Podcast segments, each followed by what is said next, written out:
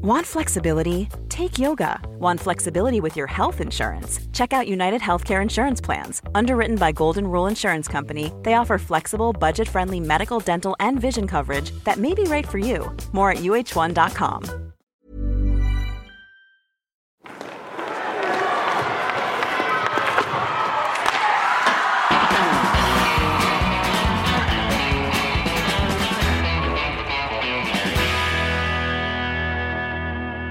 Äntligen får jag väl säga. Det är dags att köra igång SHL-säsongen och även hockeysäsongen på allvar. Det är dags att ruska liv i Hockeystudions podd för den här säsongen. Och eh, en nyhet som vi kan berätta nu det är att vi har med oss i vår lineup Dick Axelsson. Välkommen till den rosa familjen. Ja men tack så jättemycket. Det var på tiden kände jag så att det är skönt att, att komma med i gänget så att säga. Och som vanligt så har vi eh, Hans Abrahamsson med oss. Eh, hur känns det att ha, ha Dick med som expert i podden? Helt inställd på att spela andra fiolen idag, men det känns... Ska man sträcka över den till någon så är det väl till Dick Axelsson ändå va? Ge pucken till Dick Axelsson. Ska vi köra, är det vårt mantra från och med nu då? det tycker jag. Ge pucken till Dick ja. Eh, jo, eh, det här är ju första, första hösten på vad kan man säga, är det 25 år eller 26 år som du inte håller på med hockey Dick? Hur känns det? Ja men det känns skönt. Jag får den där frågan rätt ofta också. Jag är så trygg i mitt beslut och accepterat det så väl. Det var väl egentligen ingenting som kom från ena dagen till den andra heller. Utan jag är inställd och otroligt skönt och tacksam för det. Det man har gjort men nu är det slut. Ja, det rycker inte det minsta alltså liksom när du, när du börjar liksom. Nu börjar du ändå skriva med SHL-premiären. Du har tippat serien. Du, du är med i lite olika eh, plattformar som analyserar och, och, håller på med hockey och så här. Du blir inte liksom... Du vill inte vara med. Nej, inte alls faktiskt. Men jag, jag fick faktiskt en liten känsla. Jag var och tränade nioåringen här för, för någon vecka sedan. Och samlade lite puckar på isen och sköt några slagskott i krysset. Då, då kände jag kanske lite. Eh, men sen insåg jag att nej, jag la av av en anledning. Så att, eh, då där håller jag mig fortfarande. Och det måste även vara skönt att vara på vad som man kallar för rätt sida av staketet. För nu kan du ju tycka och tänka om, om spelare, klubbare och klubbar och domar utan att bli bötfälld av, av SHL. Ja men det är väl den skönaste faktiskt. Man fick eh, ha lite munkavel på sig egentligen. Så att, eh, det ska bli spännande. Det gäller bara att, att se hur mycket man kan leva ut. Kan du ta oss igenom, vad hände efter SHL-premiären för, för, för ett år sedan när du hade lite synpunkter på en ny regeltolkning? Ja, den klassiska 75 000 kronors böten. Nej, eh, det är de här sociala medierna som ställer till det ibland för rätt många och även för mig. Men som tur var var jag anställd eh, så då behövde jag inte betala böten själv utan Djurgården fick den här och, och dega in pengarna. Eh, nej, men det var ju en sån här klassisk svar på Twitter, får ett litet meddelande, skriver Kalle domare eh, enligt, enligt mig själv så är det inte mycket mer än så. Eh, men efter några veckor så damp det ner en anmälan mot mig och eh, Djurgården då. Mm. Vad säger du om sånt här Abis?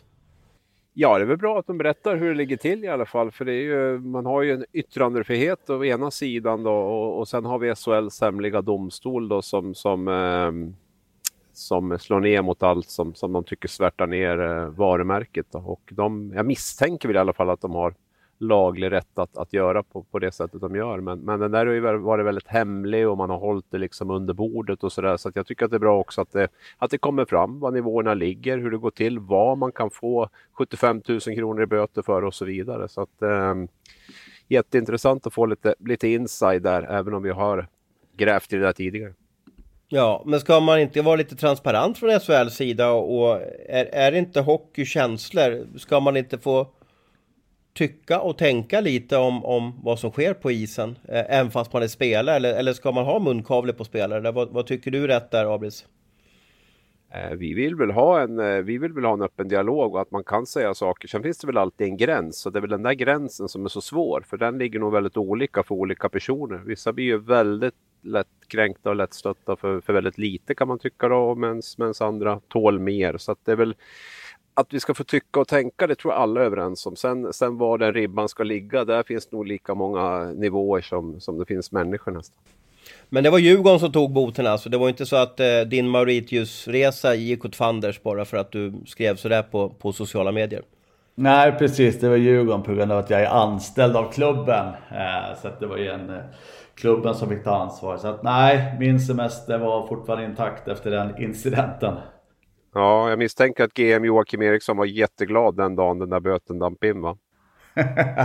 jag har faktiskt en skriftlig varning på en gång till så får du sparken. Um, och det är ett sms som jag kommer spara för all framtid. Um, det är känslor från olika håll. Är det från Djurgården du fick det eller? Ja men precis. Uh, från Joakim. Uh, sportchefen då. Uh, fick en, en så kallad varning i skriftlig form. Jaha, jaha. Ja, man kan väl tycka och tänka hur man vill om, om, om det där. Eh, vi har ju gått till att domarna, eh, fast jag själv har varit domare, blir lite skyddad verkstad. Att det blir lite, blir lite för känsligt vad man tycker och tänker. Sen är det ju de här hoten som uppstår mot, mot domarna, det är ju för jäkligt. Men, men eh, jag tycker att man, det borde vara kommunikation åt, åt båda hållen för att det ska bli bättre klimat på isen. För jag, jag får en känsla att spelarna vågar knappt säga någonting på isen till en domare för att man riskerar böter eller, eller som i ditt fall skriftlig varning ledde någonting till då. Eh, jag tycker att det är lite småaktigt, eller vad tycker du Dick? Ja, men jag håller med helt klart och eh, det har blivit så på senare tid också att så fort, eller speciellt i mitt, mitt fall, eh, så fort jag öppnade munnen så fick jag en två minuter av Sören Persson till exempel. Eh, så att, eh, men jag låg ju på en sån nivå också och jag behövde det i mitt spel för att, för att vakna till liv också. Så att jag hade gärna tyckt att domarna skulle tjafsa tillbaks lite istället för att ta upp den där pipan och göra sitt fina miskondukttecken. Och, och jag fick åka och sätta mig. Lite Lex eller lite Ulf Rådbjer-stuk på domarna, är det det du efterlyser? Ja exakt, jag hade ju många dispyter med kuben där också, Thomas Andersson. Eh, så att det, det hade jag gärna gillat. Mm. Ja, jättekul att ha dig med Dick och, och idag så tänkte vi fokusera på eh, hur vi har tippat SHL-tabellen. SHL startar ju på lördag, eh, full fart. Hockeyallsvenskan börjar lite senare. Ant eh, eh, anledningen till att SHL startar tidigt är att vi har ett OS-uppehåll och det gör att de måste eh, få in sina matcher innan det ska vara slut här framåt, eh, framåt maj månad. Och eh, som sagt var, eh, du har ju tippat eh, SHL eh, den här första gången någonsin har tippat SHL. Är det så Dick? Ja men precis. Berätta lite, hur, hur var det att liksom få det uppdraget och hur tänkte du? Och, och hur gjorde du när du satte ihop tabellen? Ja men det var ju en, det var en omöjlig uppgift. Man har alltid trott att det skulle vara ganska lätt också. Uh, och sen när jag tyckte att jag hade fått med alla lag, då fattades det lag. Det var det var lag på fel platser. Eh, så jag måste även eh, erkänna att ni, ni gör ett fantastiskt jobb år efter år när ni, när ni sätter de här tabellerna. Och handen på hjärtat, när, när du var spelare eh, och det står en så kallad expert då som tippar SHL. Hur, hur tänker man som spelare när man läser det tipset då? Ja men det är, väl, det är väl blandat, det beror på lite vad man, vad man blir tippad som. Men i, i många fall så var väl känslan att fan, de har ingen koll alls. Nej. Men du, vill man bli tippad högt eller vill man bli tippad lägre i serien för att kunna överraska? Ja, men det är väl klart det är skönare. Sen, sen vet man väl ungefär vilket lag man har också. Men det är väl klart det är lättare om man blir tippad på nedre halvan för att, för att överraska allihopa och en liten knäpp på näsan på den så kallade experten som har gjort tipset. Mm, mm. Det har varit en väldigt bass runt ditt tips kan jag berätta i alla fall. Ehm, eh, det var väldigt många som, som, som uh, hade synpunkter på det och vi kommer väl till ett speciellt lag då som, som, som du la ner ganska lågt jämfört med vad supporterna tycker att eh, deras eh, styrka eller deras kapacitet finns någonstans. Men vi kommer till det lite senare. Vi kör väl igång med lag 14 och, och det här är alltså ett gemensamt tips. Hans Abrahamsson har räknat igenom vad, vad, vad jag har tippat, vad Dick har tippat och vad ja, Abris har tippat och så har vi kommit fram till en, en, en medelväg. Är, är det korrekt Abris? Det stämmer jättebra. Jag vet inte om medelvägen blir lite tråkigare än våra, några tips som sticker ut på de andra, men vi får se hur den, hur den ser ut. Ja, och jag har, jag har lite era tips också, så att om det är någonting som skiljer väldigt mycket så kan vi ta upp det. Bra. Plats 14, och det är vi väl tämligen överens allihopa, eh, så kommer ett Timrå. Eh, vad är det som gör att det är så svårt för nykomling, eh, Dick, att inte bli tippad högre än, än på någon av de två jumboplatserna? Nej men det är väl tufft framförallt och sen drog den där förra säsongen ut på tiden också så att jag tror inte man fick alla de spelarna man ville ha heller. Men det, det är ju framförallt en budgetfråga eh, och just finns nog inte så många på marknaden som kanske vill spela i ett nyblivet SHL-lag, skulle jag tro. Nej, nej. När du ser Timrås lagbygge då. Eh, man har också tappat Jonathan Dahlén som kanske var den bästa spelaren utanför eh, SHL i Sverige då. Eh, och det är ju ett tapp som, som eh, är rejält. Men när du ser Timrås lagbygge, Abris, vad är du... Vad är du... Varför tippas de av nästan alla på, som på plats 13 eller 14? Ja, men det är, väl, det är väl lite som Dick är inne på. Dels, dels att man var ute sent på marknaden och dels att man har lite mindre pengar att röra som är dels som nykomling men även de här 6 miljonerna som man behöver pytsa över till, till laget som, som åker ut och sådär. Så att det, är väl, det, är väl en, det grundas väl på att truppen känns svagast av de här 14, 14 lagen. Sen vet vi att det är otroligt mycket annat än, än, bara namnen på pappret som, som kommer att spela in under de här 52 omgångarna. Dessutom har man fram till 15 februari på sig att göra förändringar. Det gör det ju ännu svårare att tippa. Men, men rakt svar på din fråga är att jag tycker det ser ut att vara den tunnaste truppen i, i SHL. Mm, mm.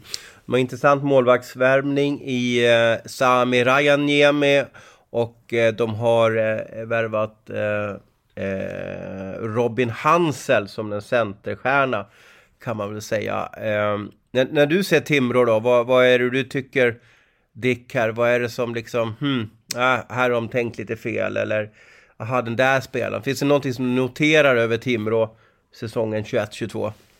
Nej men det är väl framförallt spetsen kanske. Det var lite det vi var inne på också där med AB. Så att eh, det blir tufft. Eh, jag tror inte det finns någon riktig toppspelare eller stjärna som som vill gå till ett lag som precis kom upp till SHL. Så att jag tycker att det är väldigt mycket mellanmjölk, helt klart. Eh, och det kommer vara ett hårt jobbande lag eh, som kommer förmodligen få värva till sig eh, lite spelare i slutet för att försöka hålla sig kvar. Mm. Men man slog ju eh, man slog i Brynäs på söndagen här Abis. Kollade du på matchen? Ja, jag satt och tittade faktiskt. Inte, jag såg inte varenda minut, men jag såg eh, andra halvan i alla fall av matchen där. Fina handleder på Hansel. Väldigt fint på den där straffen, ja.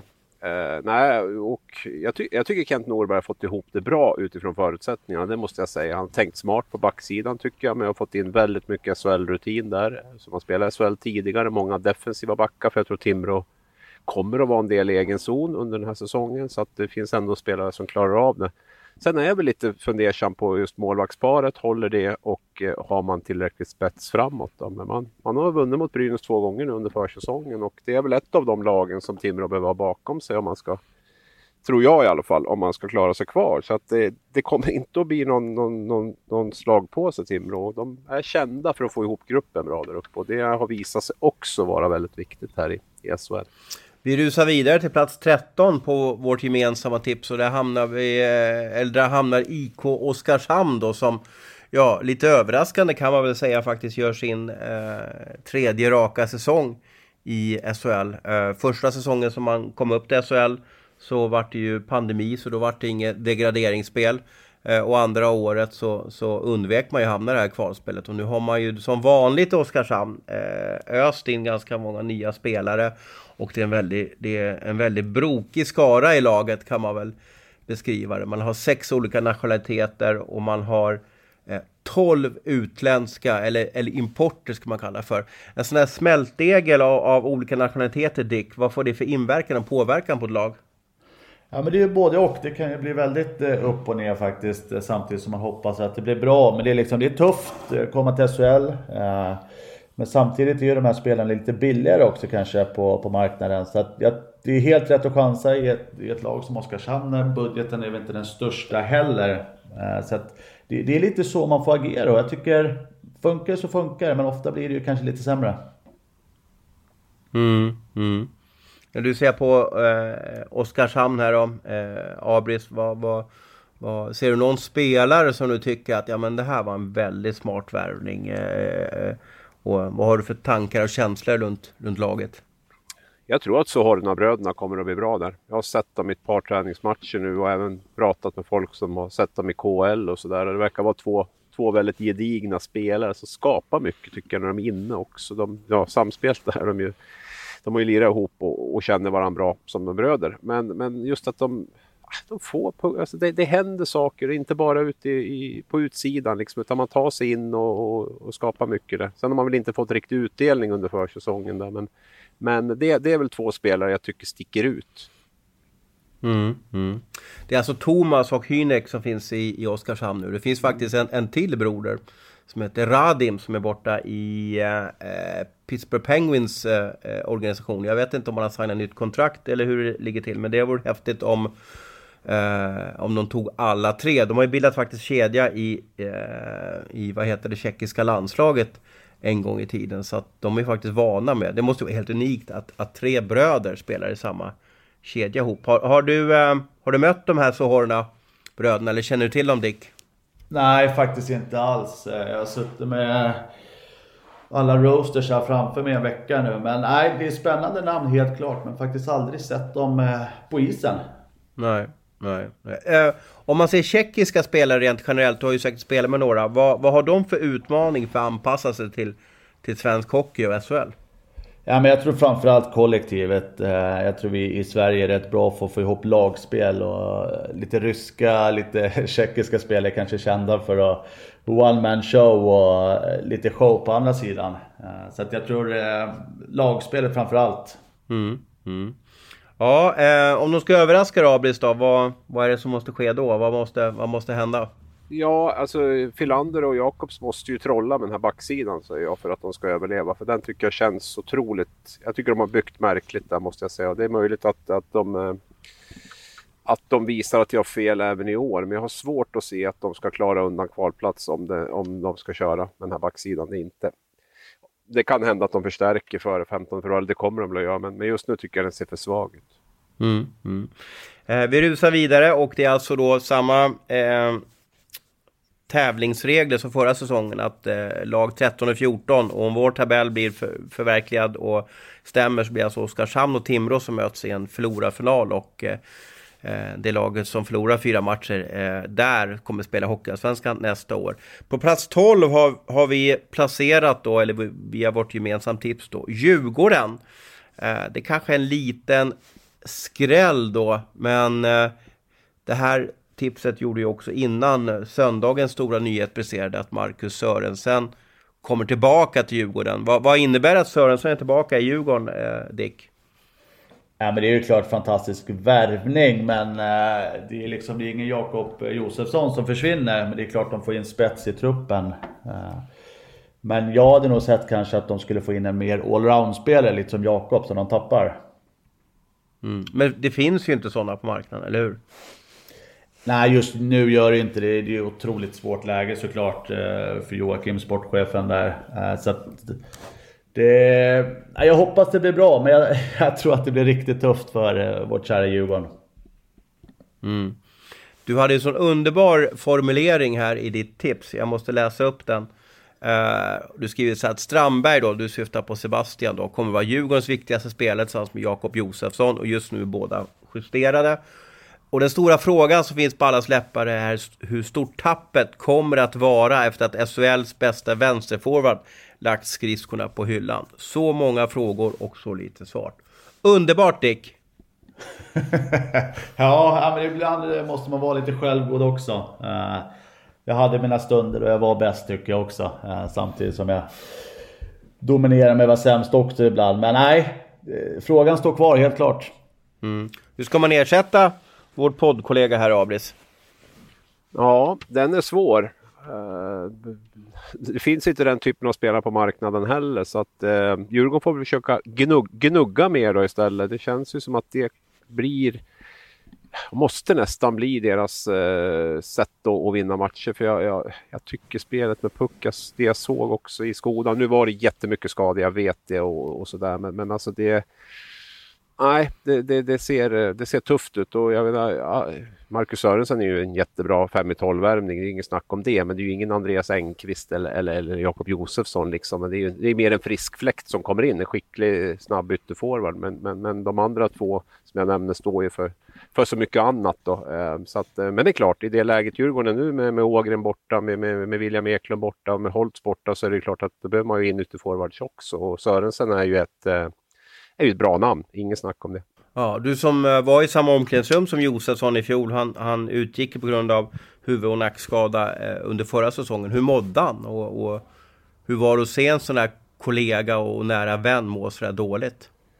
Ja men det är klart det blir tufft. Eh, framförallt för han också. Man vet ju, man håller på med en väldigt fysisk sport och, och saker händer. Så att för han själv tror jag var otroligt jobbigt och det är klart man inte vill se Djurgårdens ryggrad må, må dåligt.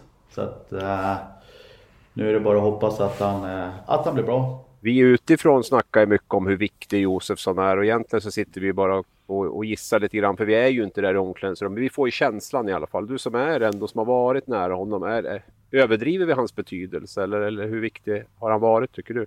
Nej men absolut. Nej men det är ju Djurgårdens ryggrad helt klart. Har varit det. Han är kapten, pondus, eh, alla juniorer tittar på honom. Han kämpar hårdast, gör mest där ute på isen, spelar alla olika former. Så att nej, betydelsen, det går knappt att beskriva i ord utan eh, han är Djurgården helt enkelt. Mm. Ja, tråkigt. Vi får hoppas att, att eh, han kommer tillbaka och kommer han inte tillbaka på isen så får vi hoppas att han kommer tillbaka som pappa och man och som människa och kan ha ett drägligt liv i alla fall.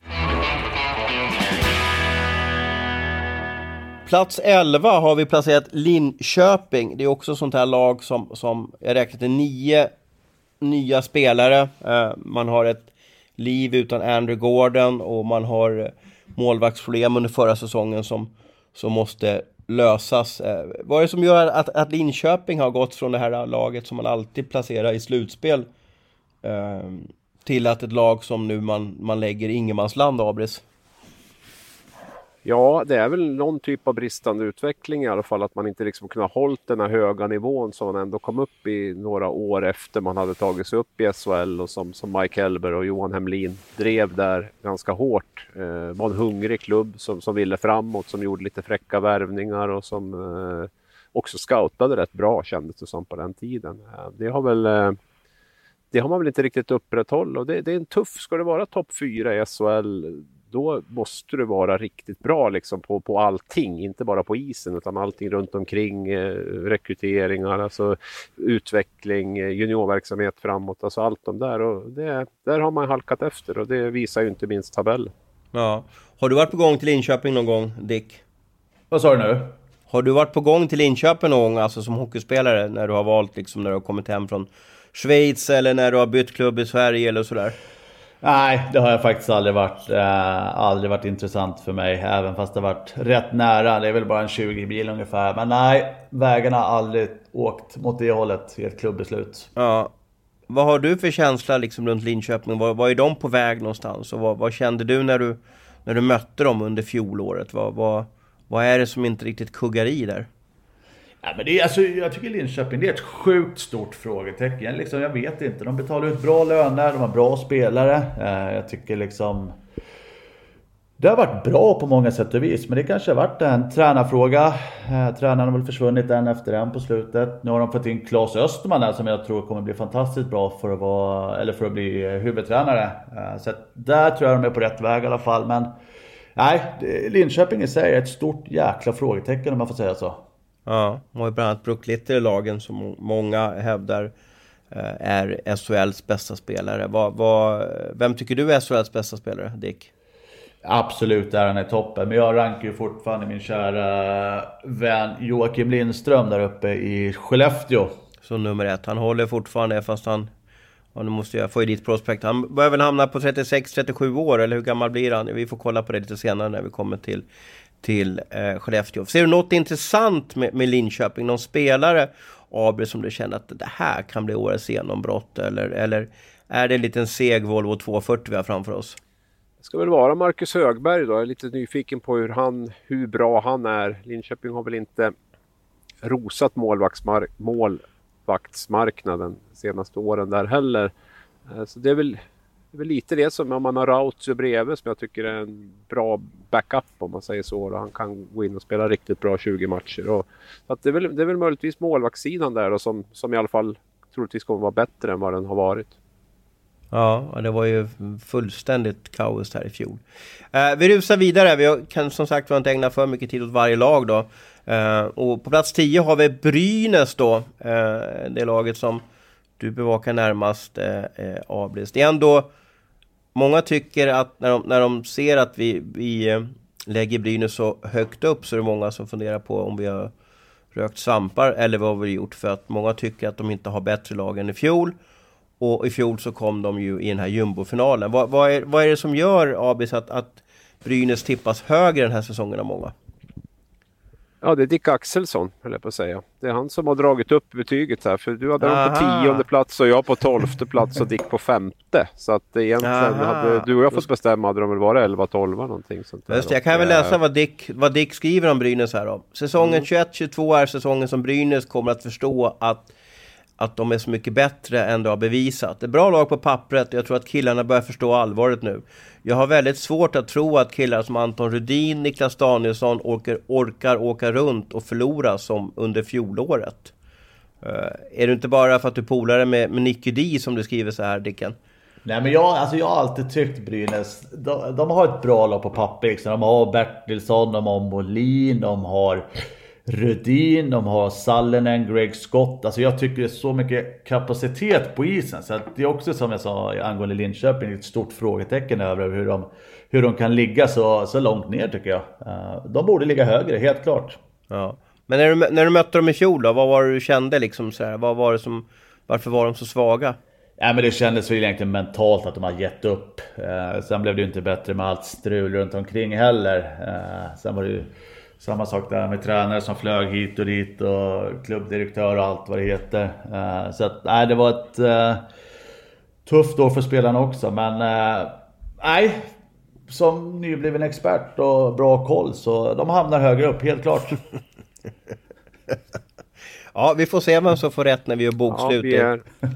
ja vi är, vi är inte alls ense där. Jag tror att vi har sett dem en del försäsongen. Jag, jag, tror det blir, jag tror det blir strid för överlevnad faktiskt. Vi har en häftig tränarvärvning i Brynäs. Eh, vi har Mikko Manner som, som kommer in då som har finare meriter från liga i Finland och även från landslagen i Finland. Vad, vad, hur kommer vi märka att han tränar laget, Abris? Ja, det är ju en betydligt mjukare ledarstil då än, än det eh, Peter Andersson stod för. Och, eh, det jag tänker lite med mannen, han har ju varit, det här skulle jag vilja bolla över till Dick också, han har ju ändå varit i, i, i alltså, han har haft bra spelare, han har varit i topplag, han har, alltså det är Kärpet, det finska landslaget som har varit väldigt bra de senaste åren. Det, det här är ju en helt annan uppgift på något sätt med Brynäs. Det kan, har man liksom den här spelskickligheten så, så kan det ju räcka med att liksom bara se till att spelarna mår bra, vi har harmoni och de får utföra det de ska. Nu, nu känns det som att han måste bygga upp något som är väldigt trasigt och det, det kan ju vara en annan grej än att vara i välorganiserade framgångsrika Kärpet. Så det, det, är väl en utmaning tycker jag. Mm, mm. Vad ska vi slå vad om? Om, om Brynäs blir femma Abris, vad, vad, vad ger vi till Dicken då? Ja, då bjuder jag Dick och frun på en trerätters. Ja, jag skulle nästan, jag skulle bjuda dem, kunna bjuda dem på US Open eh, 2022 sånt där. Ja, ja, ja, jag accepterar. Jag snålar. Ja. ja. Vi får... det, det är godsägaren i Leksand. Det är godsägaren i Leksand vet du, som kliver in bara och slänger fram storbörsen. Ja, nej, men då kör vi på det då. Är de femma så. Vi får se, men eh, Brynäs femma, ja då skulle det vara årets succé i alla fall då. Vi får se hur, hur, hur det blir där. Eh, plats nio har vi... kör du. Eller ska du dra till med, dra till med, dra till med en fyrrätters kanske eller? Nej, det blir i New York då i så fall. Jag, bjuder, jag drar till med en trerätters i New York då. Det får bli på ja. någon Marcus Samuelsson restaurang där. Vad fint, vad fint. Eh, Nästa placering, vi är uppe på plats 9 i serien nu, så har eh, Leksand hamnat. Och eh, det kanske var den placeringen när Dicken lanserade sin, eh, sin tips där som fick mest bass runt det hela. Jag ska läsa upp lite vad, vad eh, Sportbladets hockeyexpert skriver om Leksand. Han placerar dem på plats 12. Och så står det så här, nej, succén från fjolåret kommer inte upprepas. Leksand dansar klart och kommer få kämpa för att klara bottenträsket. Det måste värvas och framförallt på backsidan för att laget från Dalarna ska ha en chans. Efter du skrev det här så har ju då eh, Ben Thomas kommit in i laget. Eh, förändrar du hur du ser på Masarna eller är de fortfarande dömda att missa slutspel? Ja, men jag, jag ser eh, bra värvning helt klart, men nej, jag håller fast vid mitt tips. Eh, jag ändrar mig inte. Eh, känslan står kvar. Eh, jag tycker de gjorde ett succéår förra året men eh, sen i slutspelet så ser man att eh, det inte gick lika bra. Jag tror många lag kom upp och trodde att det skulle bli enkla matcher också så att de vann många poäng på den, på den biten. Men nej, jag står kvar. Jag tror många håller med mig där ute i Hockeysverige. Ja. Uh, Rivik, hur var han att, möta i fjol? Vad, hur, vad betydde han för Leksand? Say hello to a new era of mental health care. Cerebral is here to help you achieve your mental wellness goals with professional therapy and medication management support. 100% online. You'll experience the all new Cerebral Way, an innovative approach to mental wellness designed around you. You'll get a personalized treatment plan from a therapist, prescriber, or both in a safe and judgment free space. Your cerebral therapist or prescriber will outline a customized plan with clear milestones along the way so you can get to feeling your best. With Cerebral, you're not alone in your mental health journey. We're here to empower you to live a fulfilling life. So take that first step towards a brighter future and sign up today at cerebral.com slash podcast and use code ACasts to get 15% off your first month. Offer only valid on monthly plans. Other exclusions may apply. Offer ends July 31st, 2024. See site for details. Ja, men han betyder väl egentligen allt. Eh, sen hade de, eh, hela den där kedjan, en unik position tycker jag. De spelar väl alla powerplay, hela powerplay två minuter hit och dit. Eh, fem mot tre, två minuter. Så snittar de väl en istid ungefär på 25-26 minuter om jag inte helt ute och cyklar nu. Så att de hade det upplagt för att göra poäng helt klart. Jag tror det är inte många spelare som blir matchade så hårt i sina lag heller. Så att de hade på ett serverande bord där helt klart. Blir man lite avundsjuk då? För att så där vill man väl ha det nästan som, som ja, stjärnforward i ett lag? Ja men så inåt helsike. Det är ju det där man vill, det är därför man spelar. Det är inget kul att åka iväg på en på en bortamatch 30-40 mil och spela 12 minuter som jag själv liksom. Då får man ju grå hår tidigare än vad man ska. Så det är klart de vill spela så mycket. Vad fick du för reaktioner från äh, Leksands fanskara då som kan vara ja, fanatiskt? Ja men faktiskt inget sådär speciellt från Leksands fan utan jag fick ju generellt att jag skulle hålla mig till hockeyn och inte vara expert. Mm, mm, mm. Uh, så att det var mer den biten faktiskt. Men det är väl ingen som vågar skriva direkt till mig kanske. De, de går via dig kanske som är godsherre där uppe. Eller inne rättare sagt. Du uh, Abris, hur ser du på Leksand den här säsongen lite kort? Eh, ja, men ganska positivt. Jag är nyfiken ändå. Jag tror inte att det kommer bli något ras i, i tabellen där. Det kommer att ta annorlunda Leksand. Mera, liksom, mera det vi såg förra året var ju unikt med, med, med, så pass skickliga spelare som matchade så hårt. Eh, jag tror att det blir mer, mer en, en lagmaskin men samtidigt med en hel del spets offensivt också. Så att jag, jag tror definitivt att man kommer att vara no, någonstans där runt eh, sjunde platsen. Kanske åtta, kanske sexa eller någonting sånt där. Mm. Och jag har ju kollat på de här matcherna i Champions Hockey League. De har ju vunnit fyra raka matcher och då har de hittat vägar att vinna på lite olika sätt. Eh, fast eh, det är motstånd mot eh, eh, mellaneuropeiska lag då som man kan diskutera. Men de vinner i alla fall eh, fyra raka matcher och, och, det är få svenska lag som har lyckats göra det i Champions Hockey League. Så det innebär att de har fått in en liten vinnarkänsla i laget och det tycker jag är lite fascinerande och kul. Och det är väl det som gör att jag, jag, jag tror inte att det kommer gå jättedåligt för dem den här säsongen. Jag tror att det kommer bli en, en, eh, en ganska behaglig resa. Eh, nu kanske många Leksandsfans tror att de ska komma topp tre, men, men det är väldigt svårt för då ska allting kugga i. Eh, plats åtta i serien, Malmö då. Som har några tuffa år bakom sig och, och, och i våras sa ju de nu att nu ska vi satsa, nu ska vi liksom in med kvalitet och, och vi ska trycka på och, och, det innebär att man har värvat, värvat Jadon Deschanot och man har värvat, eh, man har värvat hem Marcus Ulvegård, man har värvat eh, hem byns eller, eller stans stora eh, son i Karl Söderberg då. Eh, hur viktig blir, blir Söderberg för, för Malmö Dick? Ja, otroligt mycket. Eh, Malmö har ju varit ett sånt lag som har, de har kämpat hårt i, i sin fina arena. Eh, inget tryck på publiken.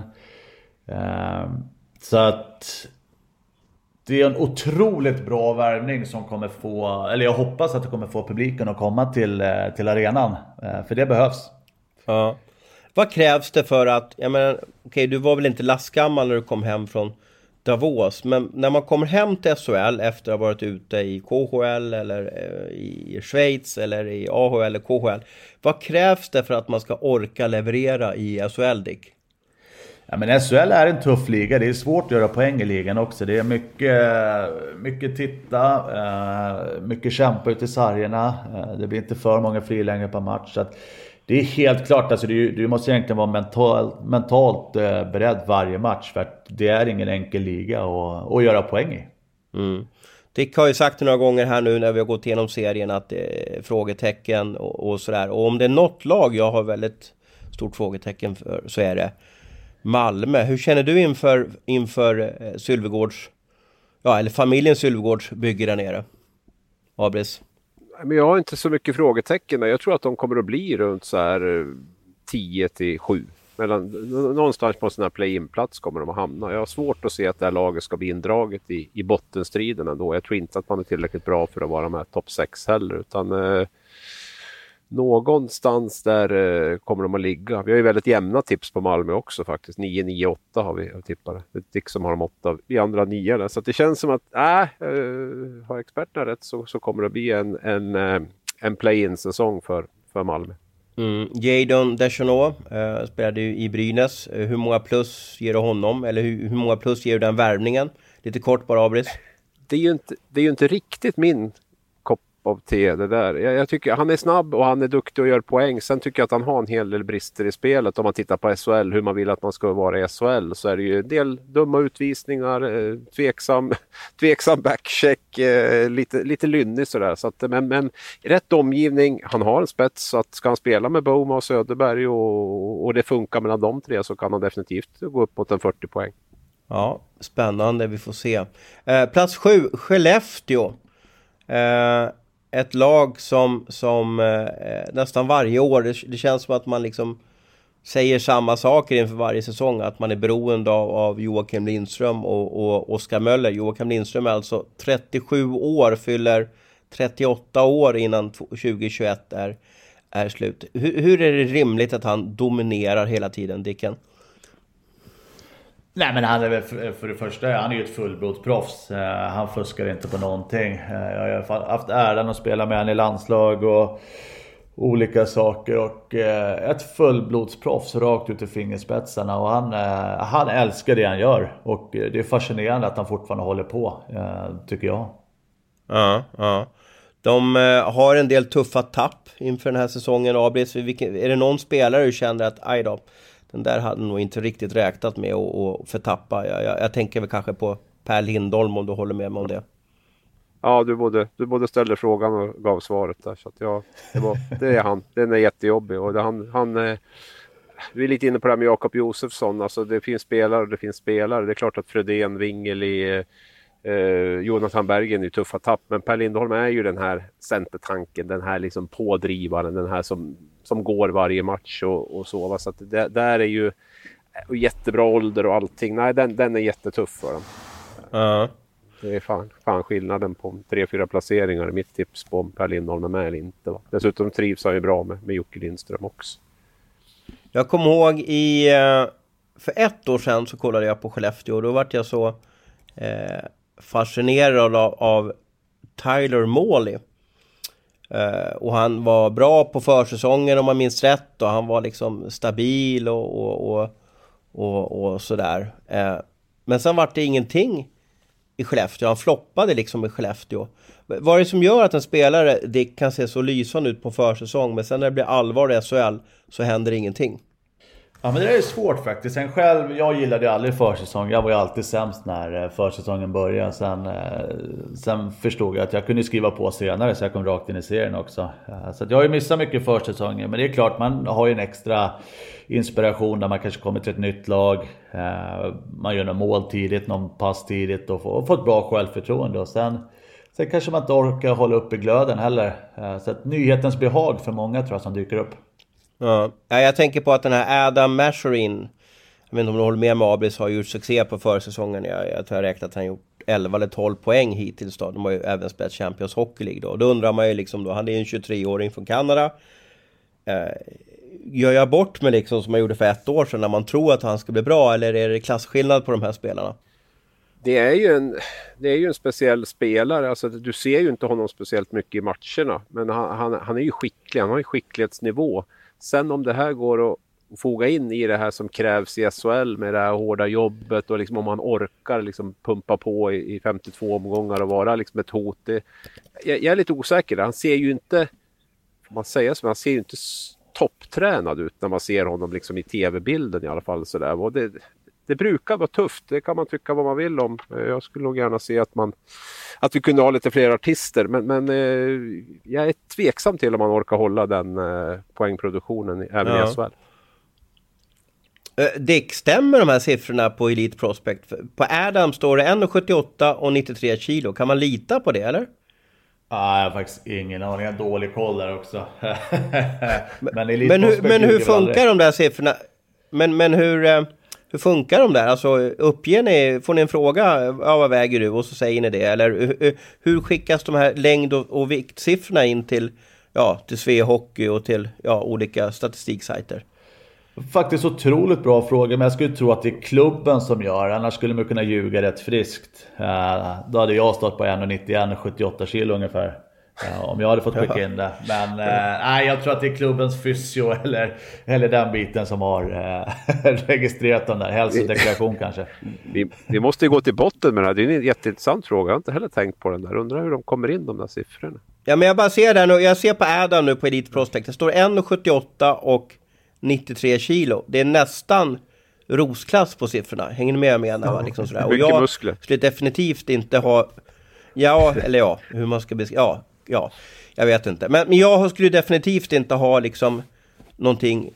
Jag, är så långt ifrån en elitidrottsman att göra när det handlar om min fysik då. Jag bara liksom, det ser inte så bra ut 93 kilo på 1,78 liksom. Ja, Joakim Lindström står på 92 kilo. Jag har aldrig upplevt att han, att han väger 92 kilo, men det kanske han han gör. Men Nej, man är absolut, absolut. Nej, jag, jag håller med. Alltså, ja. det, det, jag ser, det här är ju en jättetalangfull spelare. Alltså, Dallas-spelare som man liksom har varit väldigt skicklig, kanske inte riktigt har förstått det här hårda jobbet som krävs vid sidan om och, och utan puck och sådana saker. Men de signaler jag fått är att det har blivit liksom långsamt bättre med åren och sådär. Så att det blir en, det handlar väl mycket om också vad Skellefteå kräver av honom eh, liksom, i, i, andra änden. Eh, får han vara den här skickliga spelaren och kanske tumma på vissa andra grejer så kan han säkert bidra. Men, men eh, ja, det är ju Robert Olsson, Dick Axelsson vet väl kanske det lite grann hur han kommer att, hur han funkar med den typen av spelare. Ja, hur kommer han funka i Skellefteå tror du Dick? Ja, men jag tror bra. Men det är väl lite det vi är inne på också. Att han ska orka spela de här minuterna. Han lär ju få rätt många minuter för att för att visa vad han kan. Så att eh, helt klart kommer det bli tufft. Kanske en eh, uppåtgående trend i början, sen kommer det plana ut skulle man tippa på i alla fall. Vi rusar vidare i vår tabell. På plats 6 har Växjö hamnat. Eh, och det är väl kanske ett tips som, som drar ner eh, Växjös eh, eh placering i tabellen då. Eh, igen så har jag ynnesten att läsa upp vad, vad Dick tycker om Växjö här. Och då står det Förmodligen kommer jag få äta upp detta, men jag tror denna säsong blir mellanmjölk för Växjö. Båda målvakterna försvinner och flera toppspelare som banar väg för fjolårets SM-guld blir svåra att ersätta. Sam Halam kommer få svettas denna säsong. Men är det någon som vet om han vinner eh, så är det han. Det är väl tufft skrivet om din Huddinge-polare där. Ja men precis, men samtidigt så har han ju vunnit så mycket på slutet så att han måste ju sluta vinna snart också känner jag. Ja, ja. Eh, vad är det som gör att, att Växjö egentligen, alltså år efter år, de har ju haft något mellanår här, men, men sett de senaste fem åren, eller sex åren, så har de ju en dynasti. Vad, vad beror den dynastin på, Dick? Ja, men framförallt så är det deras noggrannhet i spelet skulle jag vilja säga, som är kombinerat med backspelet och målvaktsspelet som har varit fenomenalt. Eh, det är väldigt svårt lag att få målchanser på. Så att i den noggrannheten och den taktiska biten som de gör så gör de allt till 100%. Eh, så mm. det är tufft för lagen för att kunna analysera dem också. För att de hittar alltid något väg att vinna. Men i år grabbar, i år blir det tufft. Just det, om Dick får rätt så, så blir det eh, ingen dans. Ja, enligt ditt tips så ska de väl komma 11 och det innebär att man missar slutspel i, i som det ser ut i SHL. Vad, vad har du tippat eh, Växjö någonstans, eh, Abris? Jag tyckte jag la dem lågt när jag la dem sexa, men det var ingenting emot för, mot för Dicken där. Jag rankade ner dem, jag rankade ner dem förra året också inför förra säsongen och eh, det fick man ju käka upp rätt rejält. Jag tror jag hade dem så sexa, sjua någonting då också.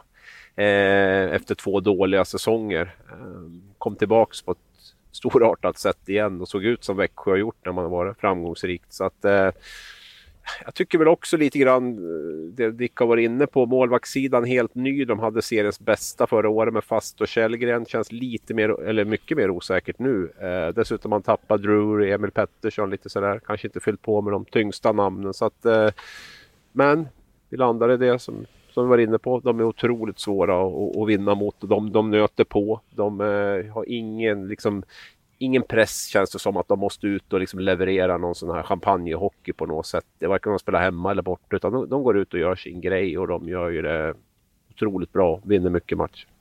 Mm, mm. Ja, det är ett av, eh, en av få klubbar som har tappat båda målvakterna. Eh, Janis Kalnins då, eh, 29-åring, Eh, lettisk målvakt. Kan du någonting om honom, Abris? Ja, han har ju tampats med Lindbäck i Jokerit där och, och har stått, Lindbäck har ju stått mer. Men, men eh, det är lite blandat sådär. Men, men, men eh, många ser potential i honom och han har ju varit väldigt bra under försäsongen. Inte nu minst senast var det mot Sparta Prag tror jag de mötte där när han i stort sett räddade dem på egen hand. Så att det försiktigt positiv men ändå jäkligt stora skor att fylla där över 52 omgångar med tanke på Adam Åhman känns ju helt oprövad också på den här nivån va? och så ska man ersätta de två bästa dessutom. Det är inte en bra målvakt man ska, man ska ersätta så att jag är försiktigt skeptisk. Och sen Lettis målvakt också, det är ju en, det är en, eh, det är ett miljöombyte även fast han har varit i Finland och känt på en liten del av, av västvärlden. Den senaste lettiska målvakten jag minns i SHL är väl Sergej Naumovs i Djurgården. Han du spela med honom någonting Dick? nej, nej det gjorde jag inte.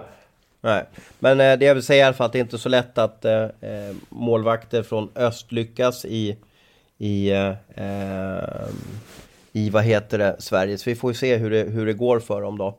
Eh, nästa plats i serien då är Frölunda på en femte plats. Nu börjar det bli ganska tufft om, om placeringarna där uppe. Um, du har ju en speciell relation med Frölunda, Dick. Kan du berätta lite om den?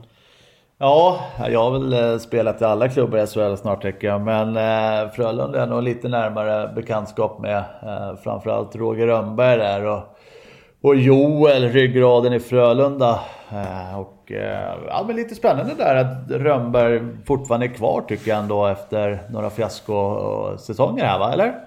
Ja, det är väl det man eh, eh, säger år ut och år in. Men så studsar de, de tillbaka. Hur är han Rönnberg i, i, båset då? Hur är, han, hur är han att babbla med och få igång och sådär?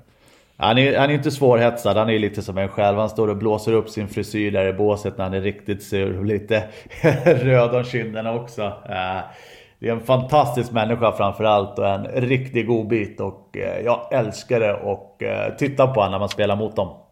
Ja. Vad känner du inför Frölunda säsongen 21-22 Abris?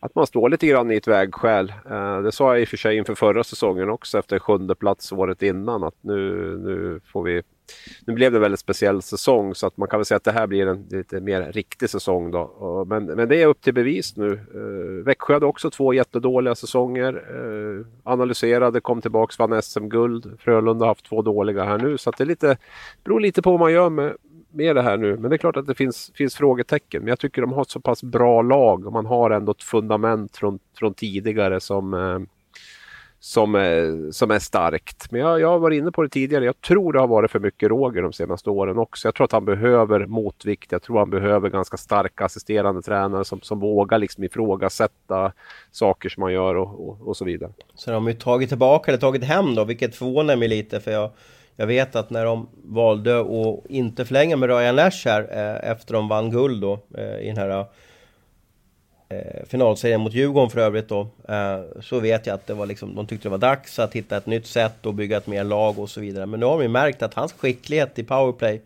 och skicklighet i offensiv zon, alltså att den är värd så mycket.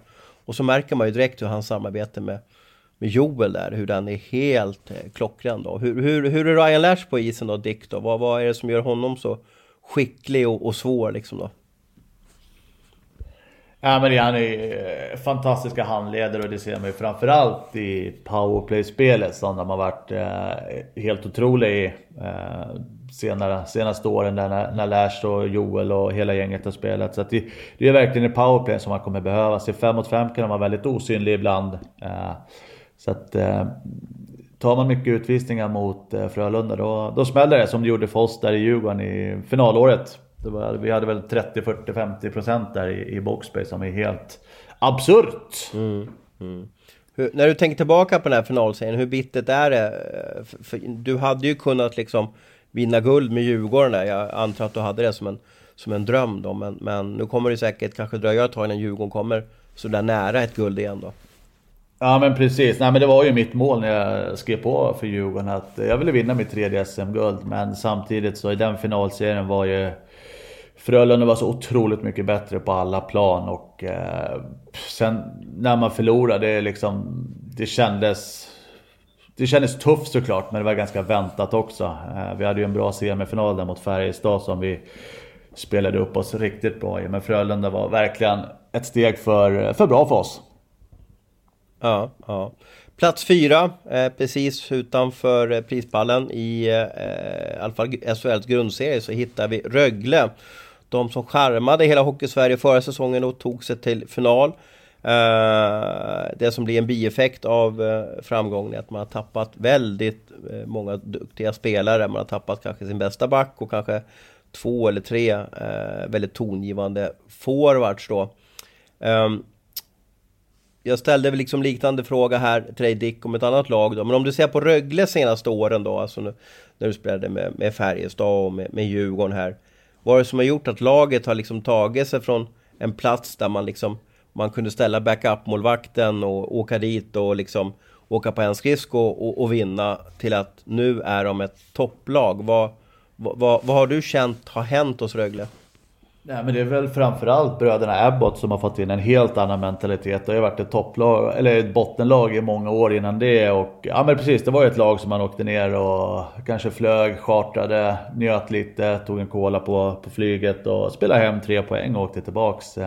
Så att mentaliteten och vinnarkulturen har ju verkligen kommit samtidigt som har otroligt tryck och bra finansiärer där nere skulle jag tippa på. För de har bra, bra löner och bra spelare. Så att de, de har verkligen visat att eh, de ska vara i toppen.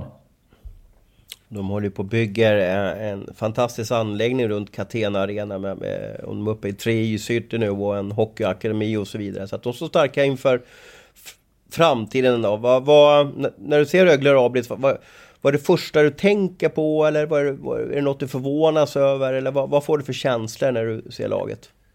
Ja, jag tänker på att de har väl kanske tappat tre av seriens topp fem bästa backar egentligen med, med, med Seider och Jellinas och även Niklas Hansson som jag tyckte var riktigt bra förra säsongen. Så i alla fall tre, ja, tre topp 10 backar definitivt i serien tycker jag. Och, och de har ju varit jätteimponerande tycker jag, sätt som man har, har liksom ersatt spelare. Man tappade ju Curran förra året, man tappade Ted Brithén och Roman Will och man, man var ännu bättre än vad man var året innan. Va? Så att man har ju något där som gör att det inte det är inte de individuella spelarna i sig bara, utan spelare kommer dit och växer. Man har ett bra system, man, man får in spelarna där, de är noga, noggrant scoutade, man vet hur man kan få ut lite extra av dem. Så att jag eh, jag blir lite så nästan eh, rörd när jag pratar om den här resan de har gjort eh, från det här eh, lindansarlaget med, med taskig självbild till, till liksom den här vinstmaskinen som man är. Jag tycker inte man väljer den enklaste vägen Abbots heller. Det är inte att de har ganska mycket pengar men det är inte det att vi nu ska vi värva någon som är lika bra som de här vi har haft utan de kan plocka in så här Lukas Ekeståhl Jonsson eller Tony Sund eller, eller liksom sådär och, och hitta den typen av spelare. Robert, Robert Lantosi och, och lite sånt där. Va? Så, troligtvis kommer det att bli väldigt bra där i, i, i Rögle. Som de säger. Mm. Och eh, jag säger en sak, håll koll på tröja 61 och tröja 40. Eh, jag säger inte att de kommer vinna någon poängliga men, men det jag har sett av Ludvig Larsson och, och Stål Lyrenäs i, i Rögle hittills så är succén i Mora förra säsongen ja. ingen engångsföreteelse utan det är duktiga hockeyspelare. Och Ludvig Larsson var ju så att han eh, valde med väldigt, många SHL-klubbar. Det var många som såg att det här är en spelare som sticker ut. Eh, men han väljer ju Rögle och det har ju varit en utopi för 6-7 år sedan. Men det visar ju också hur hierarkin i svensk hockey har, har förändrats och hur Rögle har tagit kliv. Det, det är också en, får jag säga det, en rolig anekdot. Jag kommer inte ihåg, jag är så gaggig nu, men det som eh, Chris Abbott berättade för oss om den här scoutingen och Ludvig Larsson. Han flyger upp då till och ska se Almtuna, Mora tror jag det var, på fredag kväll. Matchen blir inställd. Han tar en hyrbil ner till Ängelholm eller man flyger tillbaks och sen tar han bilen upp på lördagen dagen efter för att matchen ska spelas då istället för, för att se den här eh, spelaren. Det, alltså det, mm. det säger något om hur de jobbar. Mm. Mm. Prisplats eh, nummer tre, Örebro. Och där vet jag att du tror att de går hela vägen den här säsongen, Abris. Ja, men jag är ju känd som så här tråkig och safe. Så jag tänkte att Örebro, de kan bli allt från etta till sexa känner jag. Och då tänker jag, då kan jag väl lika gärna tippa dem etta då, som sticker ut. Dessutom gillar jag det Örebro gör. Jag tycker att eh, jag tycker de har hittat någonting som... Eh, jag tycker de växer för varje år. Och tidigare också lite så här Rögle tidigare. Tycker dåligt, alltså inget lag som jag fick någon puls överhuvudtaget av. Spretiga värvningar, sparka tränare till höger och vänster. Nu har man liksom tre, fyra år där jag tycker man har flyttat fram positionerna hela tiden. Mm, mm. Vad, vad, hur ser du på Örebro? Dick, vad, vad kände du när du mötte dem och hur, hur är de? Nej, men det är ett bra lag. Man, det var ju samma sak där. Man hade ju alltid inställningen till att hämta tre poäng. Men så, så på slutet som jag skrev också att hela, eh, hela stället börjar andas hockey liksom. Det är allt från fullsatt och det är bra spelare, det är fantastiska målvakter och offensiv belagd hockey som jag älskar. Eh, med Robin Kovacs i spetsen. Och, nej, de, de kommer bara bli bättre och bättre tror jag också.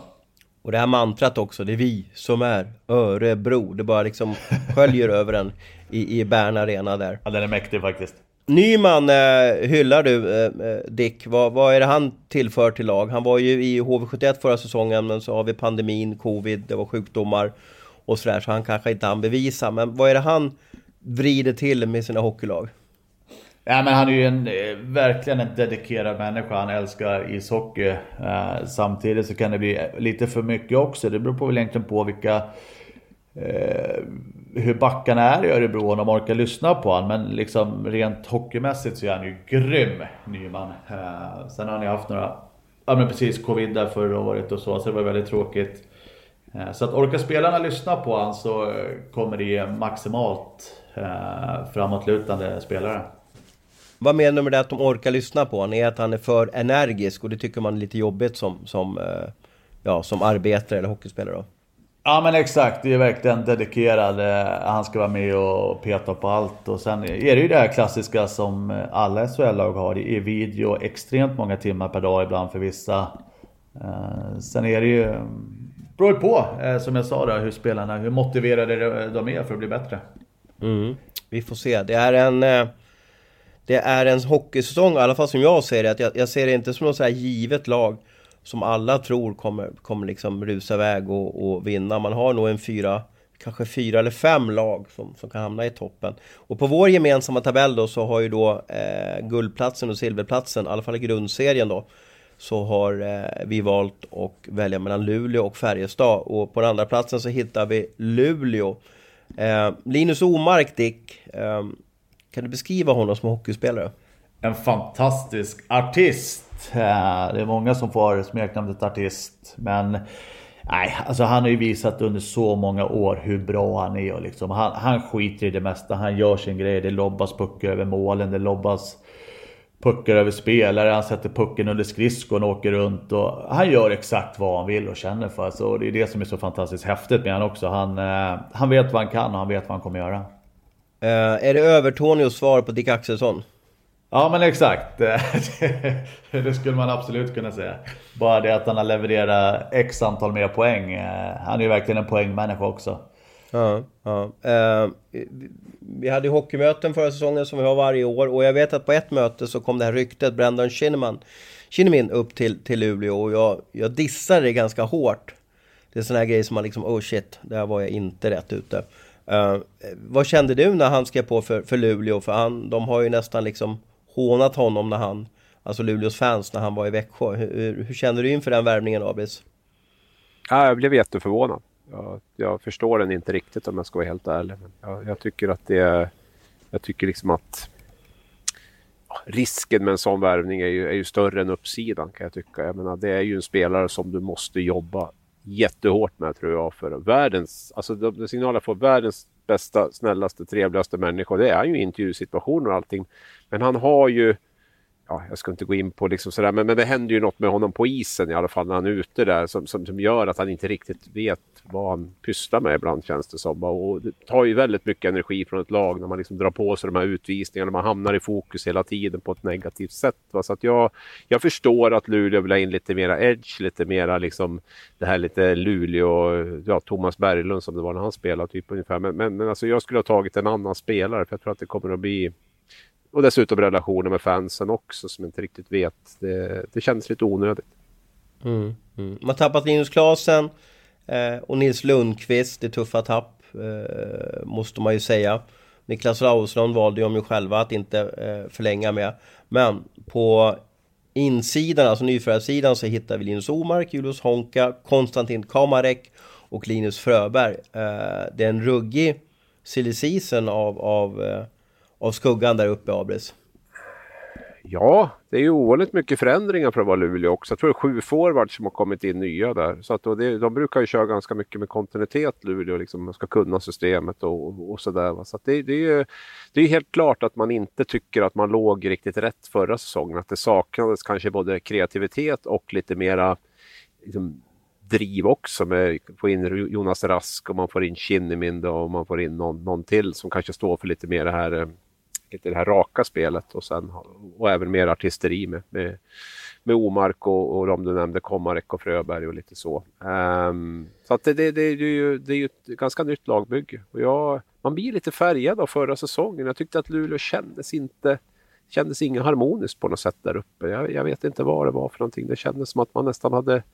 Ah, lyssna inte riktigt på, på tränaren och, och lite sådär. Så att vi får se om det här laget kommer att göra det bättre. Och på guldplats så har vi placerat eh, eh, Färjestad. Um, de har ju, om vi pratar om att Luleå hade en imponerande silly season så har ju kanske Färjestad fått jackpot. Det skulle, om man fick hem Magnus Nygren från Davos så kanske det hade varit ännu mer då. Men, men eh, de har fått in oerhört många namnkunniga spelare. Eh, du har ju spelat i Färjestad och du, vet, du kan den där klubben och du har ju bra minnen där som det gick väldigt bra för både dig och laget då. Eh, vad är det som krävs för att Färjestad igen ska bli mästare, Dick? Ja, men det är lite svårt. Eh, men jag tror att de går rätt väg nu med eh, att värva hem de här spelarna. För det är ett sinnessjukt bra lag på pappret. Helt overkligt tycker jag. Peter Jakobsson och Pennerborn har verkligen lyft upp checkarna där och betalat ut löner hit och dit. Så att men det krävs ju liksom. Många tycker också eh, de kommer hem, de kommer slappna av. Men jag tror, jag tror liksom Färjestad-familjen som det kallas eh, behöver andas hockey igen. Och jag tror att det är rätt väg att gå med de här bra spelarna som kommer hem. Mm, mm. De har ju inte rosat marknaden på, på försäsongen, Abris. Är det, är det någonting man ska bry sig om eller kan man lägga det i samma hög som kon skiter? Nah, alltså nu, när man ser vilket, vilket liksom utbrott Johan Penneborn får efter match tre nere i Strömstad, om det är match tre totalt för säsongen, där han liksom är helt uppgiven, han är besviken, han, han har aldrig varit så besviken och han har aldrig varit så fundersam. Så det är klart att det, det står ju för någonting. Det är klart att en tränare kan väl gå ut och sända signaler, men att man går ut på det sättet, i det tillståndet, det, det, det gör väl att man är väldigt pressad. Och det tror jag att man är också, för, för Penderborn måste ju göra resultat med det här laget. Samma med Peter Jakobsson också, GM. Där blir det inte resultat med det här så är ju deras positioner naturligtvis jättestarkt ifrågasatt. Så det är klart att det finns en stress och en press i det här. Samtidigt så tycker jag det ska vara så i en, i en klubb som Färjestad också. Jag, jag skrev efter förra säsongen att det var ett fiasko och fick jättemycket reaktioner från Färjestad-fans som tyckte att det här var väl, de har gjort det jättebra. Och jag tycker blir man åtta som Färjestad åker ut i kvarten, eh, fyra raka matcher, då ska det, då ska det liksom märkas också. Va? Det är ju det är en kultur man har byggt upp och som jag tycker man ska vara rädd om. Mm.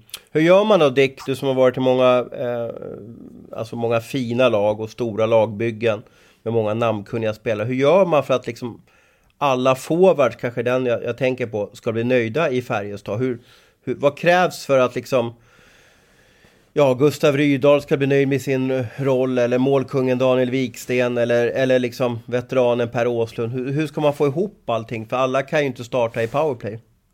Nej, där har de ju helt klart en utmaning. De har egentligen för, för bra lag eh, för att alla ska vara nöjda. Så det gäller ju verkligen att toppspelarna är på tå i början. Sen måste jag ändå lyfta varningens finger för målvaktsparet. Eh, som inte är lika fantastiskt på pappret som eh, resten av laget.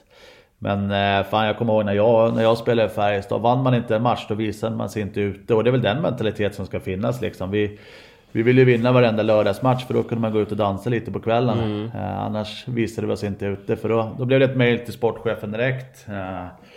Så att, ja, vill man ha kul då gäller det bara att leverera för pojkarna. Mm. Men det är... Som elitidrottsman och elithockeyspelare, man älskar väl den där pressen också. Det är väl därför lite man kommer till Färjestad. Man har chans att vinna och man vet om att eh, vi måste lyckas här. Är det inte det som också är lite fascinerande att, att vara hockeyspelare i, i Färjestad?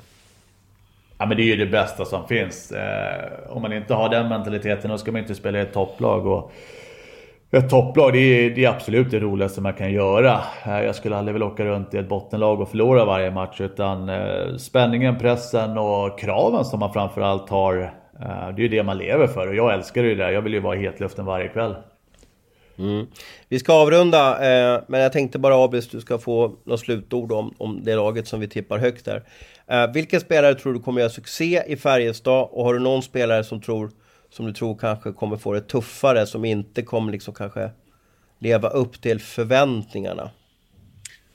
Ja, nu ska man svara snabbt och rappt här. Jag har ju suttit och gått igenom de här värvningarna. Det är ingen som sticker ut tycker jag åt ena eller andra hållet sådär som jag känner att det här kommer bli skitbra. Jag tror jag hade Wikstrand med ändå. Men är inte Joakim Nygård liksom jo. garanterad succé? Ja, han, med snabbheten? Jo, samtidigt han har ju inte fått spela powerplay överhuvudtaget när han har varit i Färjestad tidigare. Hur kommer man använda honom nu? Kommer man använda honom på ett annat sätt? Är Mikael Wikstrand den här ledaren som, som kommer att komma hem och, och leda Färjestad? Uh, så att jag, jag, tycker det finns frågetecken runt, runt många där samtidigt som det är många som kan bli bra. Men jag håller med om att Joakim Nygård är ju en jag tror att han har gjort mest poäng 5 mot 5 om man tittar på hans liksom, senaste 4-5 år i Färjestad. Eh, så att det är ju en poängspelare eh, normalt sett även om inte han spelar powerplay. Så att vi, vi, vi hugger till med Nygård då, att han kommer att göra det bra.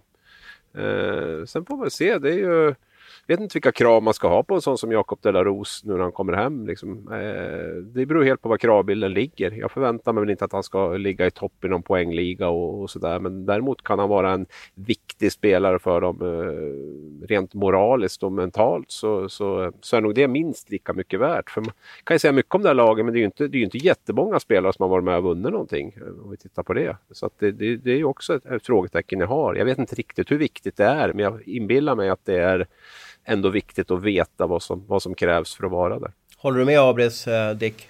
Ja men helt klart. Eh, det, det är klart det kommer finnas spelare som Bambi på hal is när det börjar närma sig final och så vidare, slutspel. Så att nej, Abris har... Man, man märker direkt att han är expert, han har gjort det här förr. Ja, det är bra. Kan alla floskler. Precis. Du, eh, vi har passerat 67 minuter. Eh, eh, vi brukar ju säga så att man ska springa en mil på, och lyssna på vår podd. Vad, vad springer du milen på, Dick? Ja, som bäst är det typ en och en halv timme. Jag hatar att springa och kommer aldrig mer göra det. Okej. Okay. Är det ett löfte eller är, lovar du det eller? Ja, det är ett påstående som jag kan stå till. Jag, jag springer på paddelbanan, tennisbanan och golfbanan ibland. Men eh, annars kommer jag aldrig mer springa.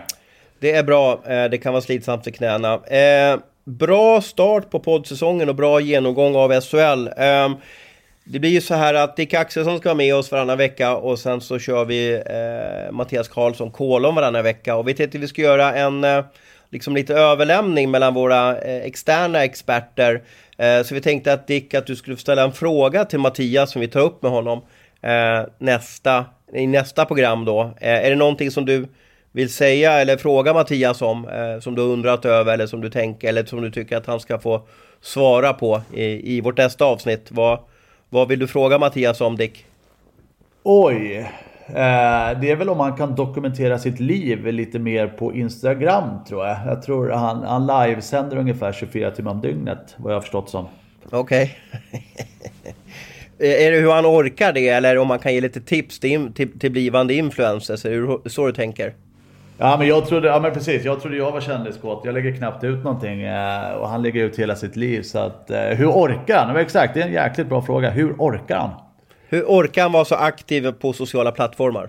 Exakt, där har vi det. Vi tar med oss den formuleringen och eh, sen tackar vi alla lyssnare för att ni har varit med oss idag. Ha en riktigt trevlig hockeyvecka. På lördag startar SHL. Helt underbart! Det hoppas jag. Du har lyssnat på en podcast från Aftonbladet. Ansvarig utgivare är Lena K Samuelsson.